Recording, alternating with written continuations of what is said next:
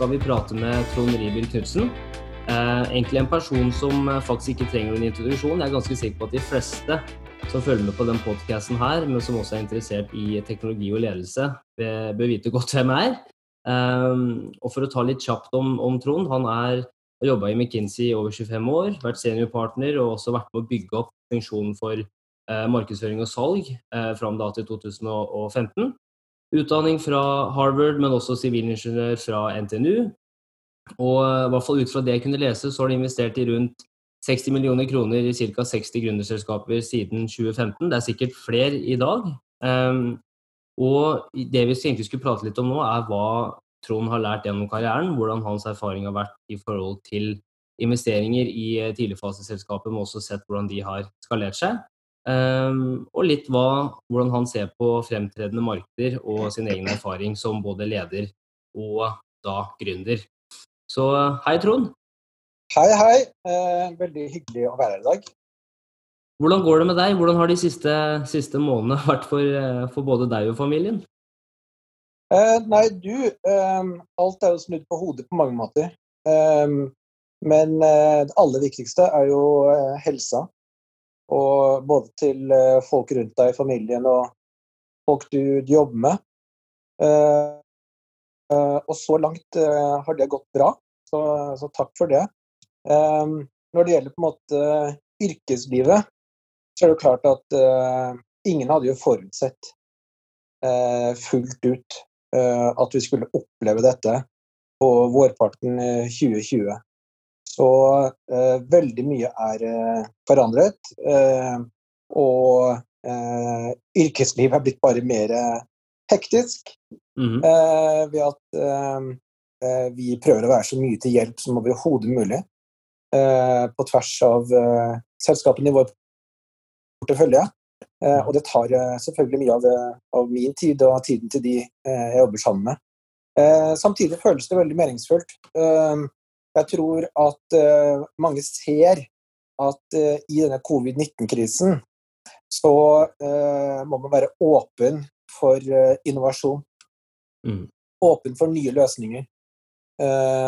ingen har svaret. og det gjør at gode, innovative teknologiselskap ofte er en del av løsningen. Mm -hmm. og det har vi sett mye av. Og det gjør at vi, vi eh, spiller litt både i angrep og forsvar eh, gjennom covid-19-krisen. men ofte ser vi at vi er med på å bidra til mer effektive løsninger, bedre kommunikasjonsløsninger. At, at helserådgivning når frem til flere mennesker.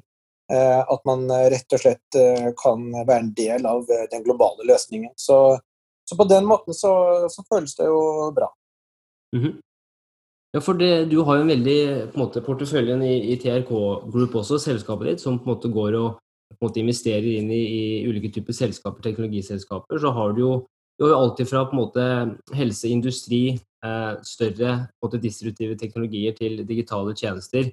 Eh, fra B2B, eh, B2C også. Hvordan har du sett dette påvirket på din portefølje gjennom den tiden her? Har det vært, hvordan på en måte syns du tilnærmingen har vært? Ja, det er jo interessant. Eh, for det første så er det jo slik at uh, covid-19-krisen uh, har vært en katalytisk egentlig event som har drevet frem digitalisering i samfunnet. Jeg tror alle opplever det. I arbeidssituasjonen selvfølgelig gjennom at man stort sett har jobbet hjemmefra, som har gjort at man har jobbet mer på videoplattformer, nye chat og gruppesamtaleplattformer. Eh, men også egentlig, du vet, eh, gjennom hvordan man får tak i tjenester, f.eks. digital helse eh, har vokst veldig kraftig gjennom covid-19-krisen. Vi har sett du vet, selskaper vi er involvert i som jobber inn mot utdanningssektoren, som har startet med å gjennomføre store virtuelle, digitale event fairs, f.eks. For, for karriere og karriereutvikling. Altså, vi har sett så mye innovasjon at uh, det har vært det første som har slått oss. har vært mhm. at wow, uh, her, her, er det mulig å være med på å drive gjennom en forandring uh, som alle har ventet på, enda mer kraftfullt. Og det er bra for verden. Så det er det ene vi har sett. så har vi sett at det er selvfølgelig en del selskaper i, også i vår portefølje uh, som har uh, fått betydelige problemer. de har kanskje berodd på å selge inn til kundegrupper som har helt stengt ned. Vi vet jo at det har skjedd innenfor hotell og reiseliv, vi vet det har skjedd innenfor, innenfor vet, treningssenterbransjen, flere steder. ikke sant? Og vi har mm. selskaper i vår portefølje som hovedsakelig f.eks. Eh, jobber inn mot reiseliv. Uh, og de uh, har fått det kjempetøft. Og også de som kanskje akkurat var inne i en finansieringsrunde. Mm. For det er ikke tvil om at særlig kanskje de mindre engleinvestorene, som er viktige i veldig tidlig fase, de er mer passive nå. Mm. For deres kapitalbase er jo blitt mindre. Og den frie kapitalen er også mindre for de. Uh, og det gjør at det er tøffere inn mot det markedet. Uh, så, så uh, kommer du senere i faser hvor ventureselskapene og de institusjonelle investerer, så opplever vi mer kontinuitet. For de har dedikert fond og dedikert kapital, og de er vanligvis ute og investerer.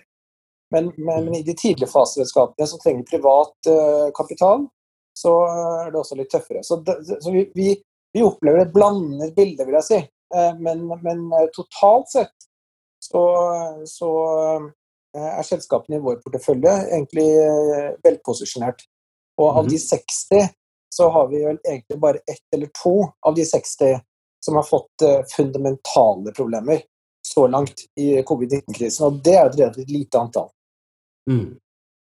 Og det er jo veldig lite. Hvordan, hvordan ser du på på en måte, for det, det som jeg synes er veldig interessant, Jeg snakket jo med Javad Mushtak i forrige episode av Ekspress Spesial, og da prata vi litt om det og hvordan å se på kriser. da, og Se på utfordringer og hvordan reagere i kriser. og Da snakka han litt om på en måte fixed mindset versus uh, growth mindset i forhold til uh, hvordan man på en måte ser på en utfordring og hvordan man klarer å omstille seg raskt. Har, har du sett noe Du nevner jo litt i forhold til hvordan disse selskapene i din portefølje klarer å innovere såpass raskt og, og på en måte legge fram nye tjenester og produkter for sin kundebase. Er det, noe, er det noe spesifikt du har sett som har imponert deg?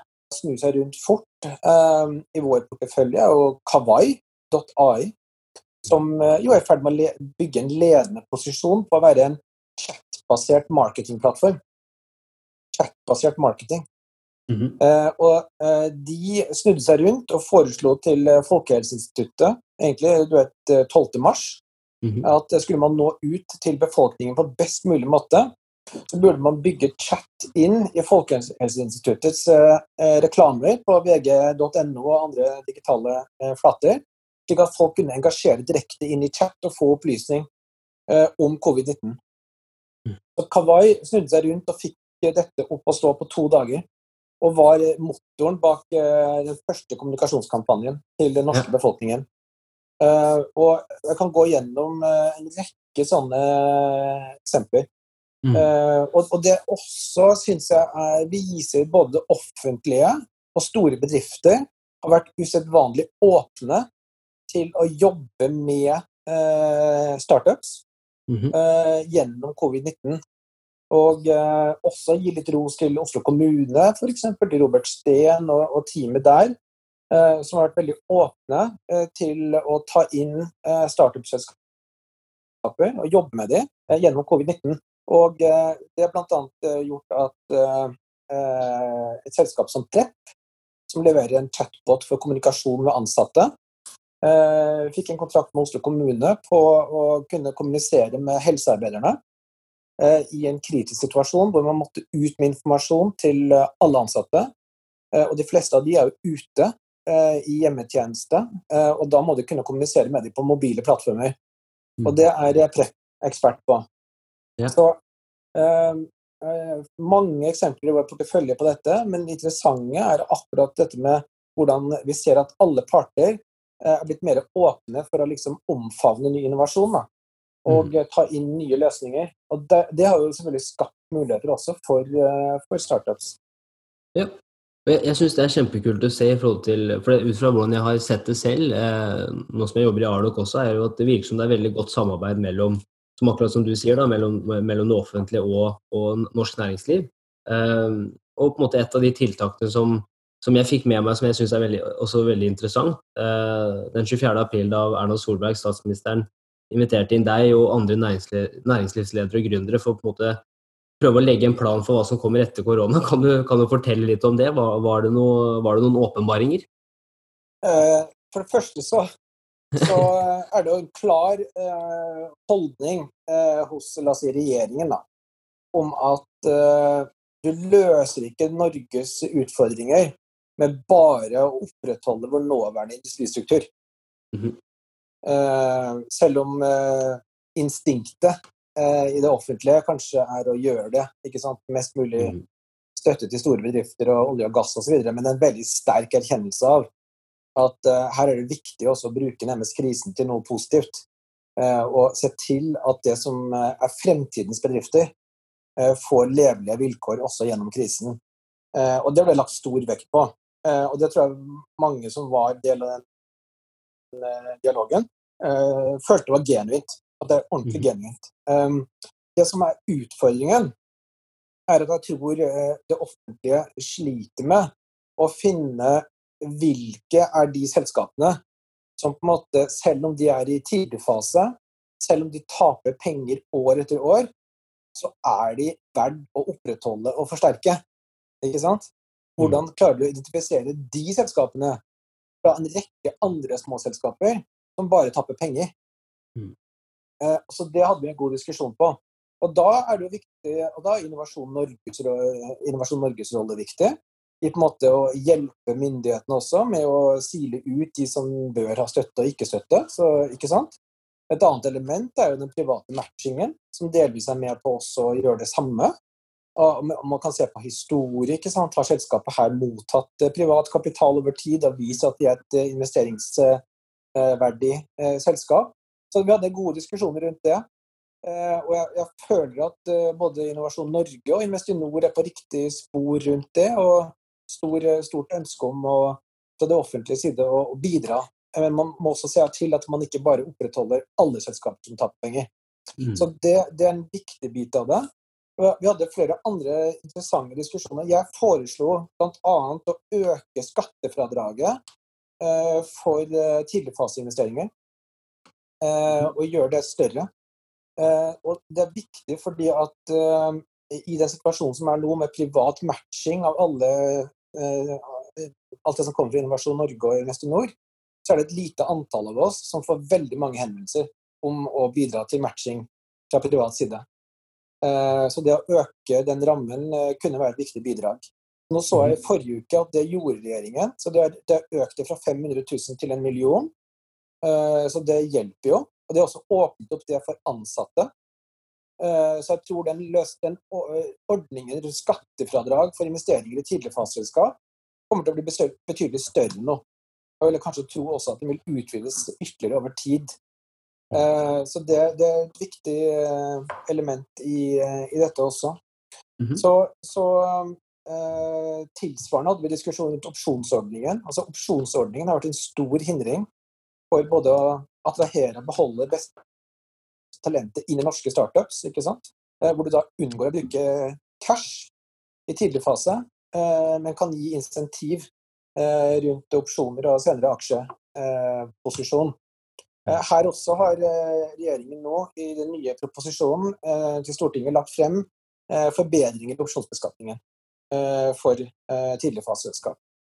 Ja. Så, så fremdeles mye å jobbe med, men vi føler jo at det finnes et ønske om å virkelig bidra. Det som jeg foreslo som ikke er blitt gjort noe på, er jo SkatteFUNN. Mm -hmm. Hvor jeg mente at gitt at alt er klart, og alle vet hvor mye de skal få, Eh, og det er midt i covid-19-krisen. Hvorfor vente til høsten med å utbetale SkatteFUNN? Det burde utbetales umiddelbart. Ja. Uh, og der vet jeg at Finansdepartementet har da på en måte laget en historie om at det er veldig komplisert. Det tror jeg ikke er riktig. Men uh, du vet, man vinner ikke alle slag. Nei. Nei, men Det virker jo som uh, på en måte, hva skal man skal kalle krisen, eller covid-19 har i hvert fall satt i gang, satt i gang forslag på hvordan næringslivet og offentlig kan jobbe mer sammen. Men det med, med SkatteFUNN også blir interessant å følge med på. Da, om, de, om, de, kommer til å fortsette å få press. Kanskje de kommer til å gjøre noe med det, eller du, hva tenker du om det? Eh, nei, altså SkatteFUNN-ordningen er jo en veldig bra ordning. Og eh, den tror jeg på en måte definitivt kommer til å opprettholdes i nåværende form. Eh, her var det mer et konkret spørsmål om under krisen å fremskynde betalingene. Mm. Eh, fordi at sånne som meg blir jo bedt om å bridge-finansiere selskaper frem til de får betalt SkatteFUNN. Ja. Eh, og, det er jo helt meningsløst. Eh, og nå virker det på meg som at vi har kommet så langt, nå er vi i juni måned, eh, at jeg ikke tror noen ting kommer til å skje rundt SkatteFUNN. Det er min vurdering. At jeg blir utbetalt til høsten. Ja. Nei, da blir det jo, da blir det som du sier, at man, man vinner noen slag og, og, og taper ja. andre. Men det var jo i hvert fall eh, Jeg syns jo også det er kjempeviktig at, eh, at regjeringa altså tar inn eh, på en måte eksperter og, og næringslivet da, inn til sånne diskusjoner. For det er jo først og fremst de som kjenner på tampen og hvordan det faktisk er. Eh, Så det er jo kjempeviktig. Men da er det to spørsmål jeg- tenkte å stille. Det første er jo litt i forhold til det med å sørge for at eh, på en måte at staten, men også det private, investerer i riktige typer selskaper som har en Selv om de kanskje brenner mye penger i, i tidlig fase, men at de har et veldig stort potensial. Da. Hvordan, eh, hvordan klarer du å skille mellom hype og fakta? Hvilke, hvilke tiltak er det du tar for å sørge for at du har gode indikatorer da, på at denne investeringen er, er lurt både kortsiktig og kan, selv og da langsiktig? Ja, det er jo interessant.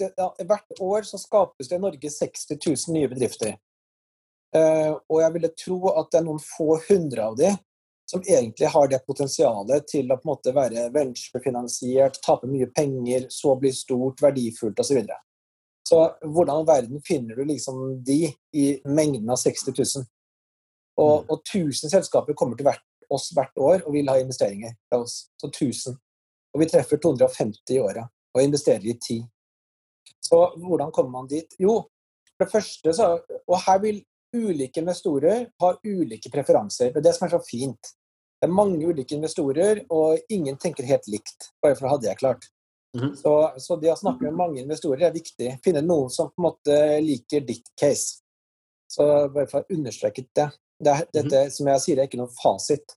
Men det vi tenker på, er jo at vi ønsker å støtte norske teknologiselskap som skal ut i verden og vinne og gjøre det stort. På samme måte som eh, Olympiatoppen gjør innenfor idrett. Så vi ønsker å på en måte finne de norske bedriftene som skal ut i verden og på pallen i den internasjonale ventureverdenen. Det er det vi holder på med. Så vi ser da på eh, teamet og eh, teamsammensetning og talentet i selskapet. Liksom, bakgrunnen de har, ikke sant? utdanning osv., hvor dyktige de er, eh, hvilken kompetanse de har opparbeidet seg, hvilket nettverk de har, hvor dyktige er de til å attrahere andre talent inn i bedriften, ikke sant? hvordan jobber de med mangfold. Sant? Vi kan se at de kan jobbe med ulike typer mennesker med utdannings, ulik utdanningsbakgrunn, ulike nasjonaliteter. For skal du vinne globalt, så må du være utrolig god på å jobbe med mangfold. Vi ser på hvordan teamet fungerer sammen. At de på en måte er et kollegium, at de har respekt for hverandre. Når vi treffer de, så ser vi at eh, det er ikke én som snakker hele tiden, men eh, alle to, tre eller fire har roller. Eh, vi ser at de er såkalt resilient. At hvis det går litt opp og ned, så de, vil holde sammen uansett, liksom. De, de her er virkelig kommittert, og de Mm. liker hverandre. Og så ser vi på er de autentiske. Vet, hva er grunnen til at du brenner sånn for dette? Hva, annet enn at du har lyst til å bli rik, liksom. Vet, hva i din bakgrunn, hva i din erfaring, hva i dine verdier tilsier at dette er det startupet du skal kommentere deg til de neste 20 årene? Prøv å forstå hvorfor brenner du sånn for det. Det er veldig viktig. Uh, Å være autentisk founder, det er blitt et viktig tema for oss. Uh, Det gjør også at verdiene på en måte er mer i linje med våre verdier. At man gjør ting for man vil oppnå noe positivt vet, utover bare å bli rik. Så vi må jobbe med folk som tenker litt sånn som oss, som vil ha positiv innflytelse på samfunnet bredere. Mm. Så sånne ting er vi ute etter. Og så ser vi på liksom, du vet, eh, teknologi og teknologiplattform. Vil dette skalere globalt? Har man tenkt riktig? Er de dyktige på teknologi, bruk av eh, skybaserte løsninger, nye verktøy osv. Eh, og så ser vi på markedsstørrelse. Vi investerer egentlig i selskaper som kan bli 100 millioner dollar i omsetning. Eh, For kan det bli 100 millioner dollar med en multiple på 10, så blir det en unicorn. Mhm. Og egentlig så jobber vi med selskaper som du vet, kan bli unicorns. Uh, så det er det vi holder på med. Interessant. Og da tenker jeg på den, eh, på måte, den globale teknologiscenen. Altså, hvis du, på en måte I mediene og alle de største nyhetsmediene så man hører jo det er nye endringer og utvikling hele tiden, og nye teknologier. og Det er jo mye, det er jo mye hype selvfølgelig, og mye, mye buzzword som er ute og, og, i omløp. Hvordan er det du holder deg oppdatert? Og helst da litt foran alle andre? Foran andre investorer? Det kan du faktisk kanskje ikke si, for da røper du jo hemmeligheten. Nei, nei, nei. nei. nei det, det, er kanskje en av grunnene til at jeg liker så godt uh, det jeg holder på med. Det er at jeg er en veldig nysgjerrig person. Da. er en veldig sånn lærende person. Uh, og jeg liker å treffe masse mennesker. Jeg treffer jo i hvert fall ti ulike liksom, grupper av mennesker hver dag. ikke sant? Uh, og alltid i diskusjon med dem. Rundt å prøve å forstå hvordan ting henger sammen, og hva som er gode og dårlige ideer, og hva de har plukket opp i sitt nettverk og sånne ting. Jeg vil si at dialogen med andre mennesker, enten den skjer liksom i et møte, den skjer på e-mail, eller på video, eller på telefon, er faktisk en veldig viktig element av det. Også fordi at etter så mange år så har jeg et veldig stort nettverk. ikke sant? Mm. det nettverket, å holde det liksom ved like og lære fra folk og sånne ting, eh, det er en veldig viktig del av det. Mm. Og så, så, er jeg veldig eh, aktiv eh, med tanke på å både vet, eh, lese uh, updates, uh, enten det er på Twitter, eller det er på en måte du vet, Wall Street Journal, eller du vet, det er The Economist, eller du vet, det er Bloomberg, eller du vet uh, Ulike av disse kvalitetsplattformene for nyheter som er relevante for det som jeg holder på med. Mm. så, så um, hender det også at jeg går dypere, som jeg syns er veldig spennende. Altså gå ordentlig dypt i en viss tematikk.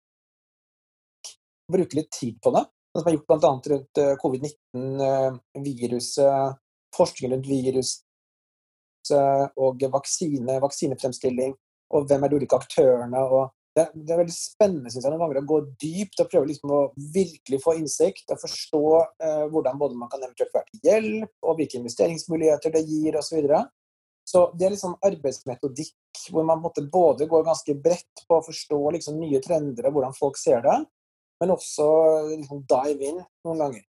Mm. Eh, som jeg syns er, eh, er, spennende. Jeg får veldig sånn energi av å, å, gå dypt og, og, prøve å forstå ting i bunnen. Det syns jeg er veldig mm. spennende. Mm. Og, og, hvilke, litt sånn Før vi går til litt lenger tilbake i tid, hvilke, hvilke råd vil du gi til de som uh, ønsker å gjøre litt mer og skape endring? Og selvfølgelig da ikke bare unge, men også de som har, har litt mer erfaring og så føler at de har et uh, uforløst potensial. Har du noen tips?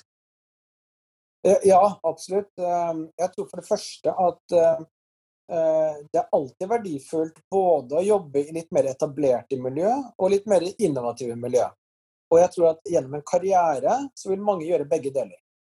Uh, slik at man trenger ikke å gå rundt og være veldig frustrert, selv om man for øyeblikket ikke jobber kanskje i verdens mest spennende startup. Det er ting man lærer i de store, etablerte bedriftene som er veldig verdifulle. Om man har f.eks. de første årene i sin karriere i McKinsey eller Ernst Young eller i Hydro eller Yara eller Equinor, så er ting man tar med seg som også senere i livet er kjempeverdifulle hvis man skal ut og være litt mer rebel. Mm. Eh, så det er det første jeg vil si. At eh, vet, eh, det er aldri for sent, og man lærer masse av den type jobb man for øyeblikket har. Ehm, så vil jeg ha sagt nummer to at skal du ut og virkelig bidra til forandring, så må du tror jeg, gjøre det med andre mennesker som du virkelig respekterer, som du liker å jobbe med, som har felles verdier med deg, og som du kan måtte holde ut med over en lengre periode.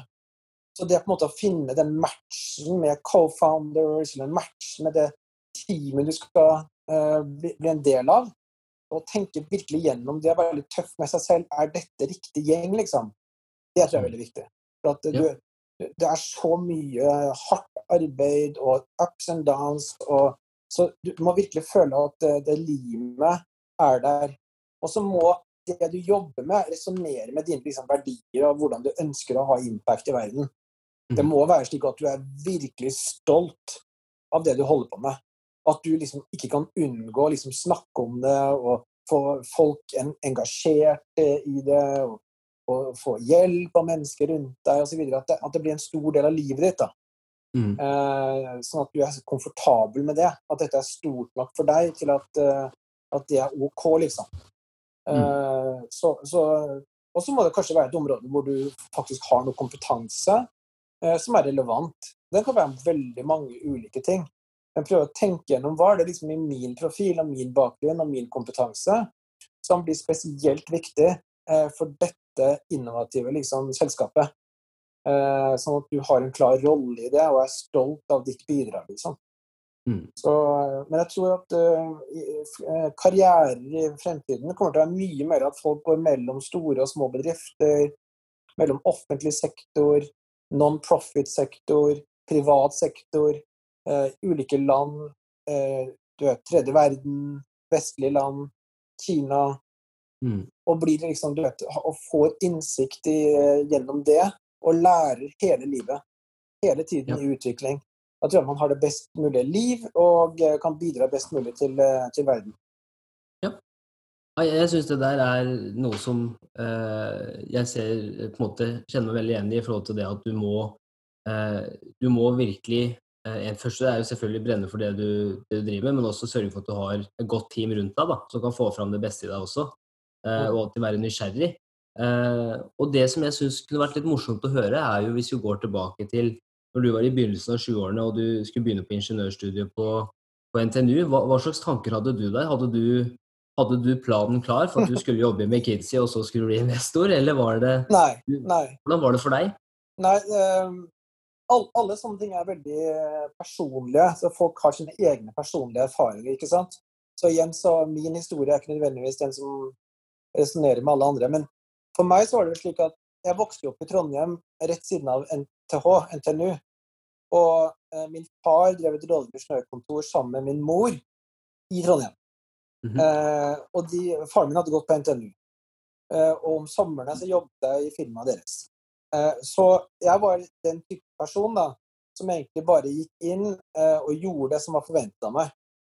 Eh, så det som var forventet av meg da jeg var 18 år gammel og ferdig på videregående, var at jeg skulle begynne på bygg på NTH. Så jeg begynte på bygg på NTH. så Eh, jeg hadde ikke noe ambisjon og plan i det hele tatt, annet enn at jeg skulle gjøre det samme som eh, min far hadde gjort, og sikkert da jobbe i hans firma, eller mine foreldres firma. Mm. Så det var utgangspunktet. Um, og så, uh, mens jeg gikk der, så uh, skjedde et par ting. Det ene var at eh, en onkel av meg stoppet meg på gaten en dag og spurte hvordan det gikk. Og så sa jeg at det er egentlig ikke så veldig spennende egentlig for, du vet, Jeg er mer den typen som har lyst kanskje å gjøre noe internasjonalt og jobbe litt mer med politikk og økonomi og sånne ting. Så jeg vet mm. ikke. Så sa han at jo, det er kommet et sånt nytt program. Noe, regjeringen har startet noe sånn støtte til studier i utlandet hvis du kommer inn på et godt universitet og sånn. Så kanskje etter NTNU, du burde kanskje søkt på det, liksom. Eksempel, du kunne gått på Harvard eller noe. Da hadde jeg aldri tenkt, hadde jeg aldri tenkt på Harvard. Hva tenkte du da, når han sa Harvard? Nei, så tenkte jeg, kan, kan, jeg gjøre det, liksom? Er det mulig å gjøre det etter NTNU, liksom? Og han, Onkelen min er professor på NTNU, så han visste jo mye om det her. Det hadde vært mye i USA og sånn. Jeg hadde aldri vært i USA. Jeg hadde aldri vært i USA. Uh, og så begynte jeg liksom å sjekke litt det her siden av at jeg gikk på NTNU og sånn, og så etter hvert så begynte jeg å utvikle en plan om at uh, jeg skulle ta en økonomiutdannelse etter NTNU. Mm -hmm. Og så uh, hadde egentlig kanskje litt sånn en plan om å gjøre det i Norge og sånn, men så oppdaget dette programmet og oppdaget Fullbright-stiftelsen og alt det som fantes av støtteordninger og slike ting for å dra til USA og ta en MBA og sånn. Og så til slutt så bestemte jeg meg for at jøye meg, det eh, er det jeg skal gjøre eh, med mitt liv. Og det måtte bli min hevstang for å brekke ut av liksom familiens forventninger. Mm. Eh, og skape en ny plattform for meg selv. Og også da liksom, i forhold til alle, også de ansatte i mine foreldres firma, sånn, viser de at jeg kan klare meg på egen hånd. Mm. Jeg er ikke avhengig av liksom, å putte inn noen foreldre i en bedrift, liksom. Så jeg ble veldig sånn, motivert av det. At nå skal jeg virkelig break out og gjøre min egen greie. Eh, så eh, jeg pleier ofte å si at mitt ungdomsopprør, eh, det var å gå på Harvard. Mm. ved at mine foreldre var ikke glad for det. Og særlig min mor har egentlig aldri akseptert det. At jeg mhm. da brøt ut av familieidyllen og dro ja. på Harvard. Og etter hvert da jeg kom på, på, Harvard, så oppdaget jeg at dette var det livet som jeg ville leve. Og da, mm -hmm. da, plutselig så du på forandring som en positiv greie.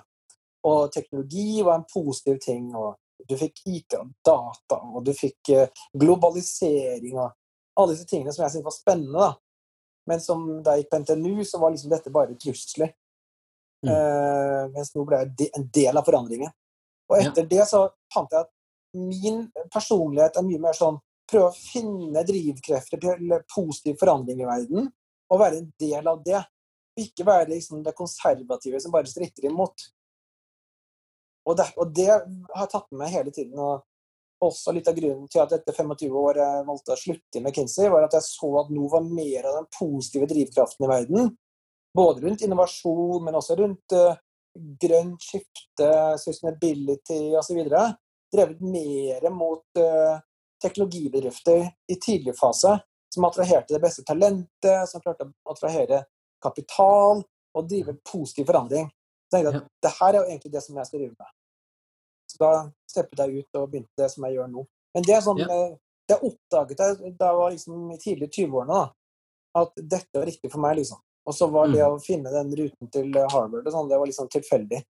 Um, og jeg kjente ingen som hadde gått på Harvard. Jeg hadde ingen referanser da jeg søkte. Uh, jeg hadde aldri vært i USA. Eh, og hadde bare snakket engelsk én gang. Og det var en helg jeg hadde vært i London som 13-åring. Eh, og jeg hadde ikke et eneste økonomifag på skolen. Ikke noen økonomifag på NTNU. Og havnet rett inn på Harvard Business School, hvor stort sett alle studentene hadde hatt økonomibakgrunn. Eh, og var en av få studenter som ikke var fra USA. Så da hadde jeg på en måte alt mot meg. hadde aldri vært i USA, kunne ikke snakke engelsk. Eh, Caseundervisning hvor du må prate i klassen fra første dag. Kunne ingenting om økonomi. Ja, det er bare alt mot meg. Og når du da klarer deg godt gjennom en sånn situasjon, så vokser du som bare det. ikke sant? Det er sånn klassisk transformasjonsgreie. Mm. Hvor du vet, eh, ikke så enkelt i begynnelsen, men når du klarer det, så bare vokser du som person. Og det er klart, mm. det er en av de erfaringene som jeg har med meg. at Du må noen ganger ta på deg litt tøffe utfordringer. Du må noen ganger gå utenfor din egen eh, komfortsone. Eh, både for å lære, men også for å oppdage styrken i din egen personlighet og karakter. Mm. Og Hvis du bare går inn i boblen hele tiden og er liksom komfortabel, så kommer du ikke videre. Så jeg har vært ganske komfortabel i livet mitt med å ta på meg store utfordringer. Og jeg kanskje ikke nødvendigvis er helt fullt kvalifisert, men jeg på en måte har en tiltro til at hvis du jobber hardt og du gjør litt ting ordentlig, så kommer du gjennom, og så vokser du kjempemye som, eh, som person. Mm. Så det har hatt mange, mange, erfaringer på, men det på Harvard er kanskje den største transformative erfaringen jeg har vært gjennom. Mm. Og det, det, er veldig, veldig, kult å høre, for det har vært også Jeg føler at det er, det er veldig mange av de fellesnevnerne for de vi har pratet med, er litt i forhold til det å skulle ta på seg, på litt, ta på seg for en litt uh, stor skjorte og bare hoppe ut i ting og på en måte tenke at det ordner seg, men det viktigste er at man også prøver. At man faktisk uh, ønsker å gjøre en endring. Da, at man faktisk prøver å gjøre noe som er litt uh, på en måte større enn seg selv og kan virke litt utfordrende. Og da var det en venn av meg som også nevnte litt det å før når jeg sa jeg skulle ta en prat med deg, med tanke på sånn Det å gjøre feil, eller hvordan I Norge så har man kanskje et litt sånt negativt syn på det å skulle gjøre feil, mens vi heller kanskje burde se på det som læring på en måte. For vi må jo gå på et par smeller før vi klarer å komme oss opp og fram. Men, men, er det en gang du har gått skikkelig på trynet og, og på en måte og, og, lært av det? Sånn som Harvard er en ting hvor du, du tar på deg en veldig stor trøye, hopper ut i det. Det går kjempebra, men er det noen øyeblikk i livet ditt hvor du har tenkt hvor du har stått overfor en veldig stor utfordring som du har klart å vende rundt og få, det meste ut av det? Ja, absolutt. Um, og det er en del av, eh, en del av, sånne, av sånne reiser er akkurat det. Um, og de gangene kanskje det har skjedd meg, så har det vært fordi har tapt liksom, motivasjon og energi, og så har liksom kvaliteten på det jeg gjør, blitt dårlig. Så Det første var kanskje mens jeg gikk på NTH og NTNU, hvor jeg hadde en periode før jeg på en måte fikk den motivasjonen rundt Harvard og gjøre det bra og sånne ting hvor, hvor, jeg holdt på å stryke i flere fag. Eh, altså På NTNU så er det sånn tror jeg, fire den gangen var liksom det dårligste du kunne ha å stå. liksom. Og Jeg fikk sånn 3,5 og 4 i flere fag. og Jeg var liksom bare totalt demotivert. Jeg hadde liksom ikke noen motivasjon rundt det i det hele tatt. Og det som snudde det for meg, var at jeg fikk den motivasjonen i at du må gjøre det mye bedre for at du skal komme inn på Harvard. Og da begynte jeg liksom å lese systematisk og gjøre det kjempebra på eksamen og sånne ting. Så det, det, det, var helt sånn klassisk at jeg bare var demotivert, og det holdt på å gå skikkelig gærent. Mm. Og eh, jeg har i, i uh, yrkeskarrieren så har det også vært noen ganger hvor, hvor uh, du blir så komfortabel noen ganger med at du har gjort uh, samme ting mange ganger og det har gått bra og sånn, at du mister litt oppmerksomheten på det som kan gå galt. så du blir litt for komfortabel. og det skjedde flere ganger, vil jeg si. også med prosjekter, sånn kompliserte prosjekt hvor jeg på en måte Istedenfor å virkelig følge opp og virkelig være på, kanskje stolte for mye på at uh, ting ville bare gå bra.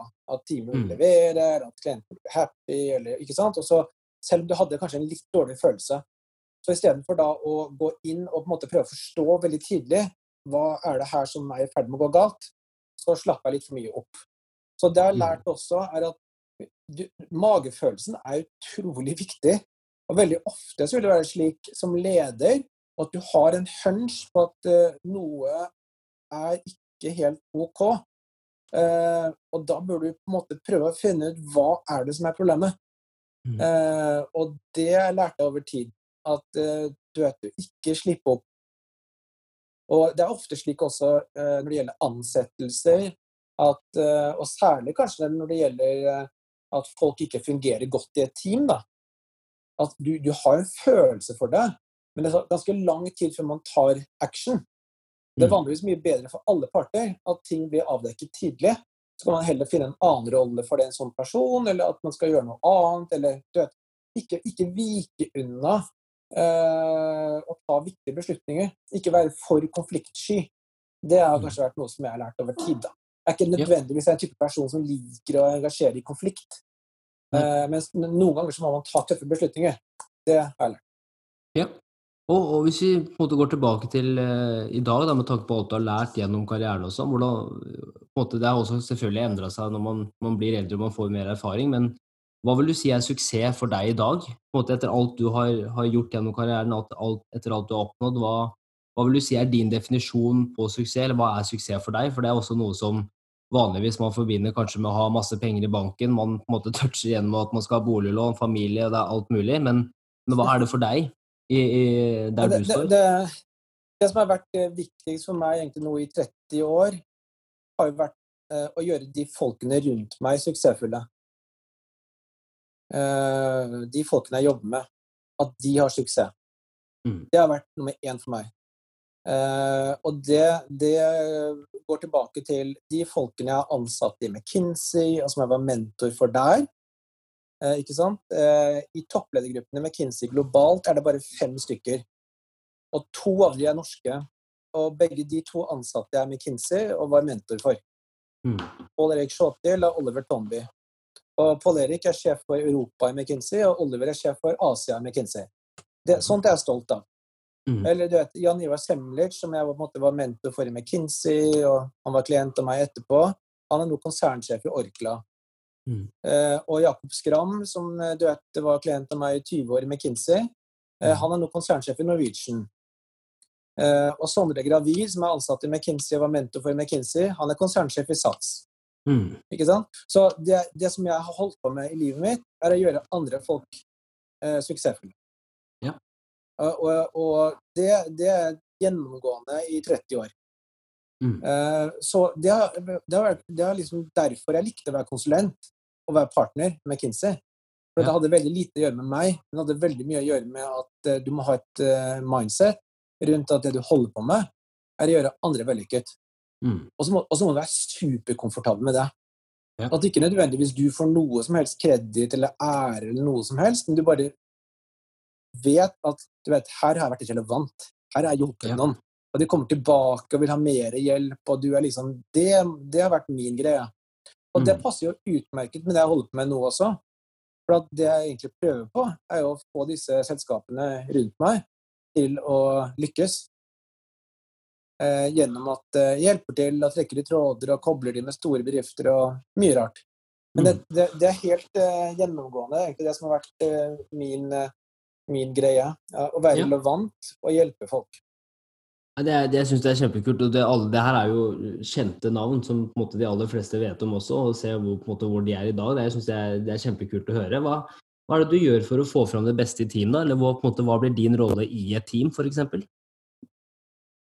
Uh, ja, um, uh, mange ulike ting. Jeg er ganske fleksibel med tanke på, på, hvordan du prøver å hjelpe til. Jeg Det har vært litt sånn viktig for meg at jeg har ikke noen sånn sjablong på hvordan jeg skal liksom bidra, eller hvordan jeg skal jobbe. Jeg er ganske åpen og fleksibel og prøver egentlig å være ganske empatisk og lyttende. Og prøve å forstå hvor du kan hjelpe til. Mm -hmm. Så f.eks. i noen startup-team så vil min rolle være mer å finne åpningen mot to-tre store selskaper, slik at de kan få tidlige kontrakter. Og så er liksom min rolle da å ligge der ute og snakke med mine konsernsjefvenner og sånne ting, på om kanskje de kunne fått en mulighet til å presentere til de, og så bruker jeg mesteparten av tiden min på den eksterne dimensjonen. Mm. I andre situasjoner så føler jeg at jeg kan bidra mer til å egentlig prøve å hjelpe dem med å cracke selve ideen rundt hvordan deres eh, produkt kan bli distinkt. Ikke sant? Du vet, hvordan, hvordan uh, står det her i forhold til konkurrenter både i Norge og internasjonalt? Uh, hvilken mulighet har vi for å gjøre noe unikt? Altså liksom Problemløse medier der, gjerne de teknologiplattformene og helt ned i produktet og prøve å forstå hva skal til for å gjøre gjøre noe unikt. Det kan også være en rolle jeg har. Så jeg kan spille veldig mange ulike roller i et team. da. Mm. Og, prøve, og prøve å være veldig fleksibel og tilpasse egentlig til behovet til teamet. Snarere enn at jeg kommer inn liksom og er samme type ekspert i alle situasjoner. Mm. Eh, ja. En god potet, rett og slett. Ja, og det er jo McKinsey-bakgrunnen min, ikke sant? hvor Mm. Vi snakket jo i gamle dager om at vi skulle være renessansemennesker. At du i prinsippet skulle kunne engasjere på ethvert tema eh, som var relevant for en konsernsjef. Og så at du kunne følge de temaene ned til å være liksom til hjelp. Ikke nødvendigvis alene, men å dra inn andre kompetente mennesker og være til hjelp. Så vi er oppdratt i en veldig bred tradisjon, mm -hmm. og, og, ikke i en spesialisttradisjon. Og det tror jeg kanskje er noe av det som kjennetegner meg. da, Det er veldig bred. Ja. Eh, og kan engasjere egentlig på alt mulig rart. Nei, det, Trond, jeg må si det har vært kjempeinteressant å få, få tatt, en, tatt, en, prat med deg i dag. Og eh, igjen, det er, eh, det er som har fulgt deg nå de siste årene, eh, både gjennom eh, mediene og sosiale medier, og på en måte sett hva du har fått til, og også hvilke selskaper du har hjulpet i Norge, syns jeg har vært kjempe, kjempekult å følge med på. Um, så jeg tenker jo litt sånn avslutningsvis, hva, hvordan ser veien videre ut for, eh, for dere i eh, TRK, TRK Group? Ja, vi, vi, føler jo at uh, det er ganske interessant. Da vi startet opp for fem år siden, så, så, følte vi at vi hadde en veldig viktig rolle i bare å få opp liksom eh, du vet, bevisstheten i Norge rundt dette med å støtte startups Eh, i tidlig fase. Teknologiselskaper i tidlig fase. Og eh, det var veldig lite fokus på det i Norge, um, som du vet. Veldig lite. Og jeg tror vi har vært med gjennom vår rolle liksom, i økosystemet her på å fundamentalt oppgradere det norske økosystemet for tidlig fase. Og noen mhm. av våre betraktninger, Vi gjorde noen analyser sammen med Dagens Næringsliv i fjor bl.a. indikerer jo at selve økosystemet er kanskje blitt fem til ti ganger sterkere i 2019-2020 enn det var i 2013-2014. Så man har kommet en lang vei. Eh, og det endrer jo kanskje litt vår rolle også. Hvor eh, vi nå opplever at vi er mer en aktør blant veldig mange etter hvert, som spiller en viktig rolle i dette økosystemet. Eh, og det gjør at vi kanskje kommer til å redusere noe antallet investeringer og gå kanskje litt dypere i enkelte selskaper, litt mer selektivt. Eh, samtidig som vi jobber med noen av de større plattformene vi har skapt, bl.a. Katapult, hvor vi jo på en måte har et stort antall selskaper hvert år, og Antler, vår talentinkubator. Så litt færre selskaper å investere i direkte, og enda litt mer aktivitet gjennom Katapult og Antler eh, spesifikt. Eh, men totalt sett så vil vi nok fortsette ganske mye Eh, akkurat eh, den type modell vi har eh, nå. Vi er veldig komfortable med det. Mm -hmm. Kult. Igjen, tusen hjertelig takk for at du tok deg tid til en eh, prat med oss i dag. Hvor er, det, hvor er det folk kan finne dere på nett? Sosiale medier? Både deg Ja, og, og ja absolutt. Nettet finner du på trkgroup.no. Og der ligger hele porteføljen bl.a. ute. Eh, og litt om hvordan man kan kontakte oss og slike ting. Og så er, er det jo egentlig best å følge, følge Trond Riiber Knutsen på LinkedIn. Det er der jeg på en måte legger ut det meste av sånn updates rundt portefølje og sånne ting. Så jeg er mest aktiv på LinkedIn rundt det vi gjør i TRK Group, og det er på min LinkedIn-profil. Mm -hmm. uh, Så der vil du finne det meste. Og så er vi på, på Trond Riiber Knutsen på Instagram, så har vi litt mer sånn korte uh, updates. Mhm. Og tilsvarende på, på Facebook. Men LinkedIn er nok vår eh, hovedkanal i sosiale medier.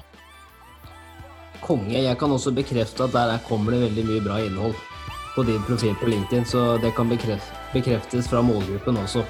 Ja, det er supert. Tusen takk. Kjempebra, Trond. Da håper jeg du får en eh, fortsatt fin dag, og at du får eh, kanskje nyte litt tid i sola også. Og så Ja, håper ja. jeg vi snart ses igjen. Veldig fint å være her. Supert. Takk for, Takk for det. motiverende samtale. Takk, takk.